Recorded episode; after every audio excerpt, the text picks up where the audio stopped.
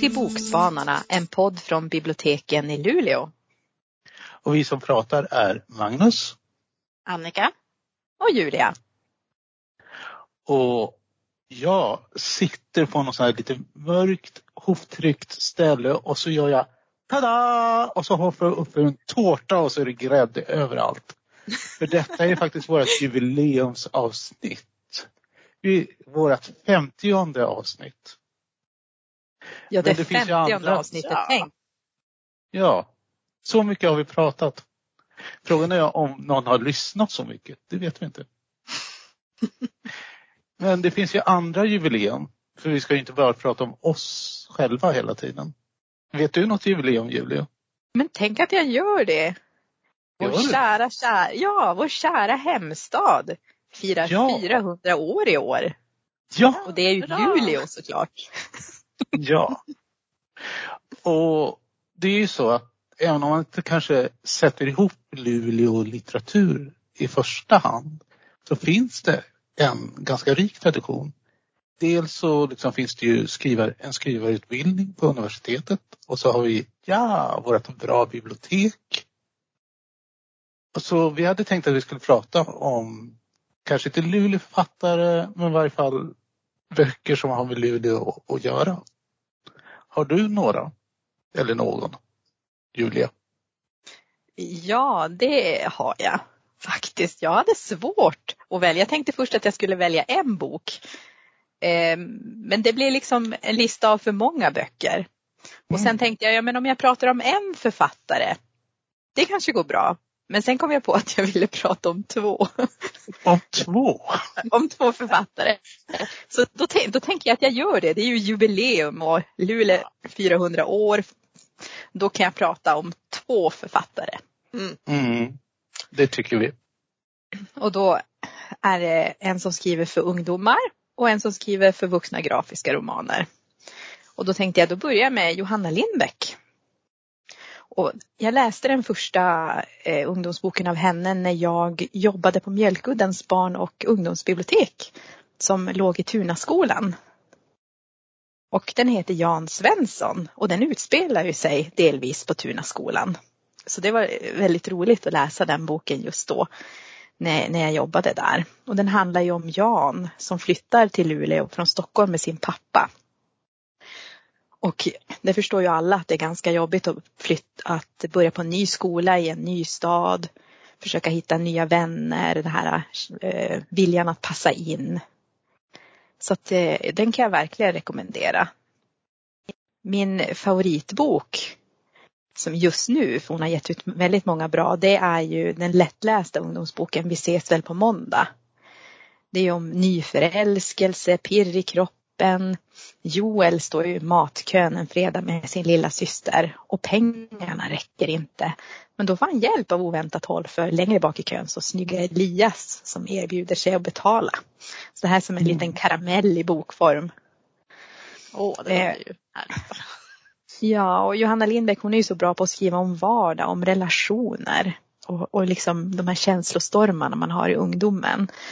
Så ta nu och låna och läs en bok av Johanna Lindbäck tycker jag. Vi ska genast göra det. Ja, det måste du göra. och sen har vi ju, och en som också är bra på att beskriva vardag och relationer, det är ju Anneli Furmark. Mm. Eh, hon, det är hon. Ja, mm. och både texten och bilden Eh, är så riktigt, alltså de hör så bra ihop och de är, ja, jag tycker hennes böcker är riktigt, riktigt bra. Eh, och det hennes senaste, Gå med mig till hörnet, det är ju som inget undantag. Men en bok oväntad förälskelse i mogen ålder som eh, Elsie är i 50-årsåldern och hon är ju gift sedan 25 år tillbaka och barnen är utflugna och hon betraktar sitt äktenskap som lyckligt. Men då en kväll går hon på en vernissage och träffar Dagim. Och stor attraktion uppstår och de inleder en, en relation. Och Dagmar hon är också gift. Så de bor långt ifrån varandra. Så det blir nästan som en tonårsförälskelse. De skickar sms till varandra och chattar och och den har kallats en Brokeback Mountain med kulturtanter istället för cowboys. Åh. Det, det tyckte jag var en, en liksom frän beskrivning. Verkligen. Eh, ja, så Anneli Furmark, alltså hennes tidiga serie, då spelar ju Luleå en roll. Man kan se att hon, även om det inte är uttalat att det är Luleå i alla, så, kan man, så känner man igen sig.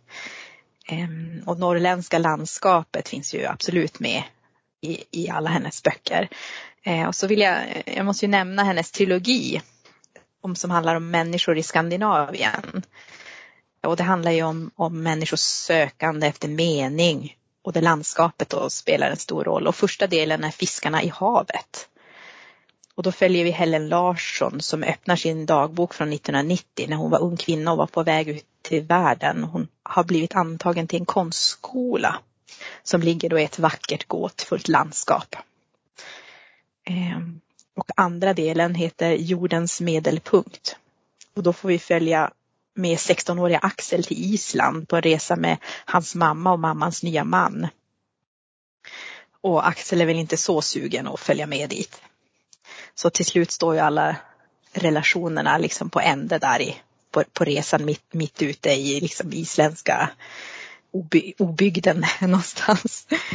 Mm. Men min favorit är nog den tredje delen som är den röda vintern. Och sen, den utspelar sig en smällkall vinter i Luleå under 70-talet. Eh, och det är ju en kärlekshistoria, lågmäld och dramatiskt men då en tid liksom där politik var väldigt viktig. De tillhör liksom olika politiska partier eller hur man ska uttrycka det. Så att eh, jag skulle fortsätta kunna prata om alla hennes böcker. Mm. Så jag säger som, som om Johanna Lindbäck. Läs, läs Anneli Furmark.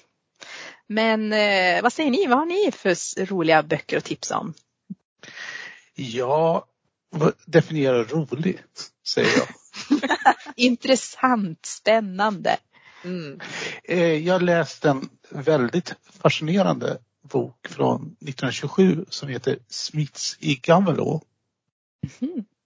Och Gamelå det är en liten norrländsk stad som har liksom en storgata som drar igenom stan och strax utanför stan så ligger ett område som heter Udden. Och då var man ju liksom tänka sådär Udden, Storgatan, kanske en festivitetssal. Mm. Jag känner igen det här. Kan det vara Luleå? Och det är det ju naturligtvis. Men ett eh, Luleå som man kanske inte riktigt känner igen. Där liksom folk eh, till exempel ror till kyrkogården. De sätter sig i ekan och eh, tar sig över innerfjärden och stiger land där ungefär regionhuset ligger nu och sen promenerar till kyrkogården. De ror också iväg till Brändön, vilket jag tycker är en bedrift. Jag skulle inte orka det. Men eh, framförallt så är det ju liksom relationerna. Det här är ju liksom ett familjedrama. Där man får följa tre generationer av en familj och hur de grälar och hur de gifter sig med varandra eller skiljer sig. Men framförallt så är det ju liksom naturen och skärgården. Där det finns en underbar skildring då av en ö där det väntar en myggsvärm och man får följa alltså myggsvärmens resonerande. De längtar efter badgäster från Stockholm med mjällt skinn. Och istället så kommer farmor och farfar Pengkrut som har så hårt skinn som myggorna stukar snaven. Och när de liksom väl tar sig in och liksom tar sig smuts på blodet så är det skämt av gammalt kaffe och saltfisk. ja. Det var snopet. ja, det var snopet. Och det är egentligen liksom sådär lite svårt att berätta vad den handlar om utan att förstöra den. För det är, det är ungefär som att titta en sån där Viewmaster. Klonk så är det en begravning. Klonk så är det giftermål. Klonk så är det grälande eh, svärdöttrar. Klonk så ska de iväg på festivitetssalen. Och det är det som gör att den är bra. Så den här närvarokänslan och den här känslan av verklighet. Och den bygger, eller de påstås att den bygger på existerande eh, personer. Så när den eh, släpptes så väckte den skandal. Mm. Så om ni läser den, vem vet, någon mormor eller mormors mor kanske finns med i den. Det lät ju väldigt roligt. Den är rolig. Och det som egentligen är roligast det är när man upptäcker att de här vattenskotermarodörerna som jag hatar av hela mitt hjärta. Att det på 20-talet fanns föregångare till dem. Men då var det osnyrta ynglingar i eh, segelbåt som for ut och, och tömde näten för ärliga fiskare. Aj då. Mm. Inget nytt under solen. Mm. Det var inte bättre förr. Det var inte bättre förr. Men det är faktiskt bättre nu för vi har ju en ny presenterare som ska prata om böcker och Annika, du kanske måste presentera dig själv. Ja, men precis. Jag måste bara börja med att säga vilken ära att få delta under jubileumsavsnittet och få komma in så här. Jag känner mig som en VIP-gäst. men, men, det är en ära för oss att du ville komma. Ja, tack så mycket. Eh, ja, alltså mitt namn då Annika. Jag jobbar i eh, Gammelstad som bibliotekarie. Eh, och jag bor också här så jag känner trakten ganska väl. Eh, kan jag ju säga. Och eh, då kommer vi kanske in då på den bok jag ska prata om lite grann också. Jag har valt boken Skrock och skrömt av Beatrice Norberg och då är det är kanske någon som känner igen det här, antingen hennes namn eller boken. Eh, det är ju Beatrice som startade upp den här spökvandringen på Hängnan, friluftsmuseet här i Gammelstad som en del säkert känner till. Och den här boken den kom då till som en, en förstudie egentligen när de ville eh, ja, men fördjupa sig kring det här med folktro och liksom utöka liksom, eh, kunskapen för museet när de skulle guida. Då. Så det här är alltså en bok som handlar om folktro och spöken och eh, övernaturliga väsen och så i, i Luleåtrakten. Helt enkelt. Och det här skrömt kanske man inte riktigt vet vad det betyder. Men det är alltså ett, ett gammalt Luleåord för oknytt eller spöken helt enkelt. Och eh, jag tycker den är ju jättebra alltså. Jag sögs ju rakt in i den här boken. Den, jag gillar ju liksom det här lite övernaturliga men också att det är eh, som, det är ju inte sagor riktigt utan det är ju sägner. Och vad är för skillnad mellan en saga och en sägen kan man ju då fundera på. Alltså en sägen ska ju ha något korn av sanning i sig. Eller det, det är liksom, den berättas som, som att det har hänt på riktigt. Och eh, här i den här boken får man ju då också lära känna sådana här hemsökta platser som finns i Luleå. Eh, på lite olika ställen. En del här i Gammelstad och det är de som jag verkligen då liksom har läst lite extra om. Men den här boken beskriver ställen på på Mjölkundsberget och i Måttsund och i Avan och så var det på Hertsöträsket som minsann också bebott av, av olika väsen.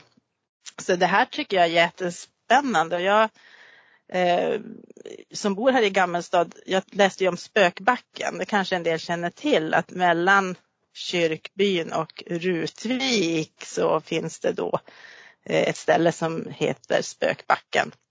Och jag har ju åkt där många gånger men jag har ändå inte riktigt koll på var den här backen är. Alltså jag har ett hum om var den verkligen borde vara. Men någon gång ska jag ta mig ut dit och, och faktiskt kolla för det verkar superspännande för här har det hänt grejer.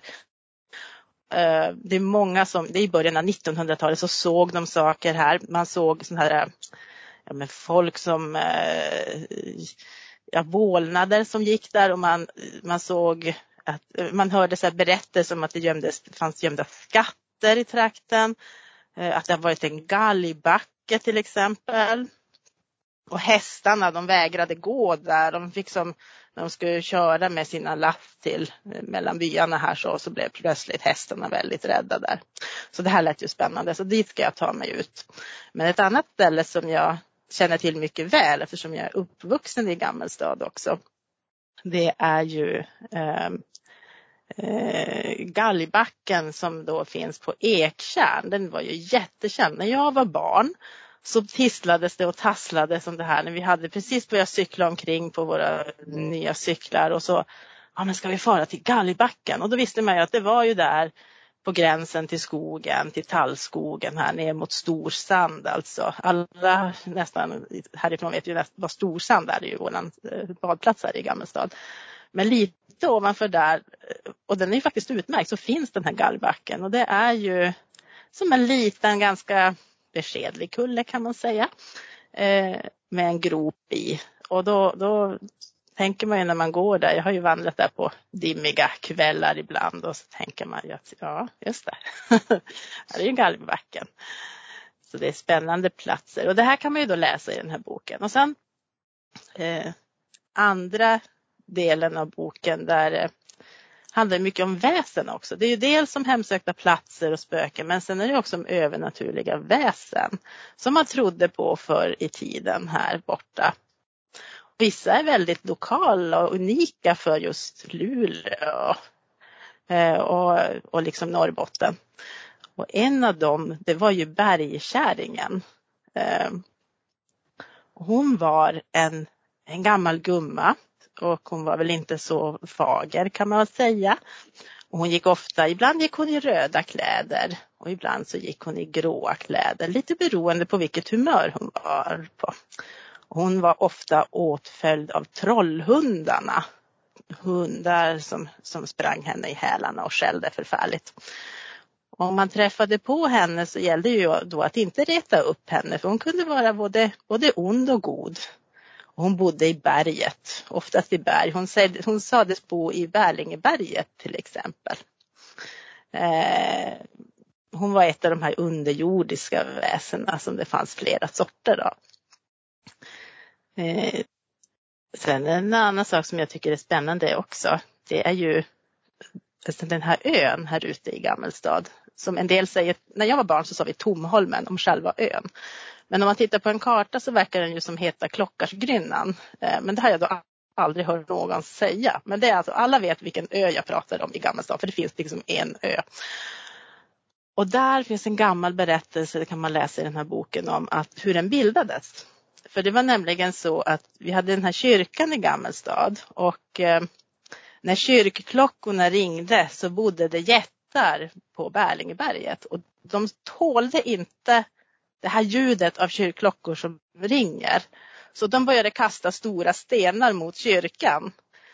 Och de orkade inte hela vägen fram så stenarna damp ner i älven och bildade då ön här som vi har. Och jag har ju åkt skidor runt den där. Jag tycker det är lite häftigt alltså när man får de här berättelserna, för det lägger som till ett extra lager när man är på de här ställena och liksom, jo det är vackert väder och här sitter jag och dricker min varma termos med, med choklad.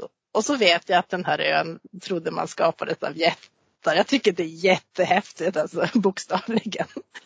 Så Eh, det finns så många sådana här berättelser i den här boken som jag verkligen kan, alltså jag, jag, tycker att det är superintressant. Man får lära sig om trakten och folktron och saker som man, eh, ja men vars eh, ställen att de fortfarande finns kvar och vad har hänt på dem? Och så där. Så eh, jag ska bara avsluta med att fråga om om ni har någon aning om vad himlasprätt är för någonting? Ja, det tror jag nog inte.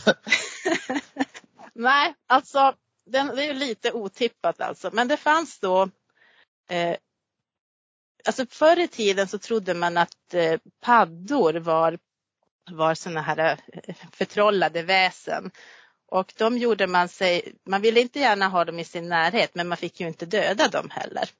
Eh, för då kunde, det, då kunde det straffa sig förstås. Ehm, så då fick man göra sig av med dem på ett annat sätt. Och då hade man då en lång planka som man tog och satte ungefär som en gungbräda, ni vet med något i mitten. Så att man, mm. Och så har man paddan i den ena änden och så trampar man till hårt på den andra änden så paddan flög iväg. Då gjorde man en himla sprätt. så, eh, så kunde man, det var tydligen okej okay, utan att förarga dessa väsen. Först hur det gick för den stackars paddan, det förtäljer väl inte historien. Alltså den borde ju rimligen bli platt Alltså. Alltså, ja, precis. Det, men eh, om man inte letade upp den så slapp man väl se den. Så man hoppades väl att det gick väl. De var ju magiska också dessutom.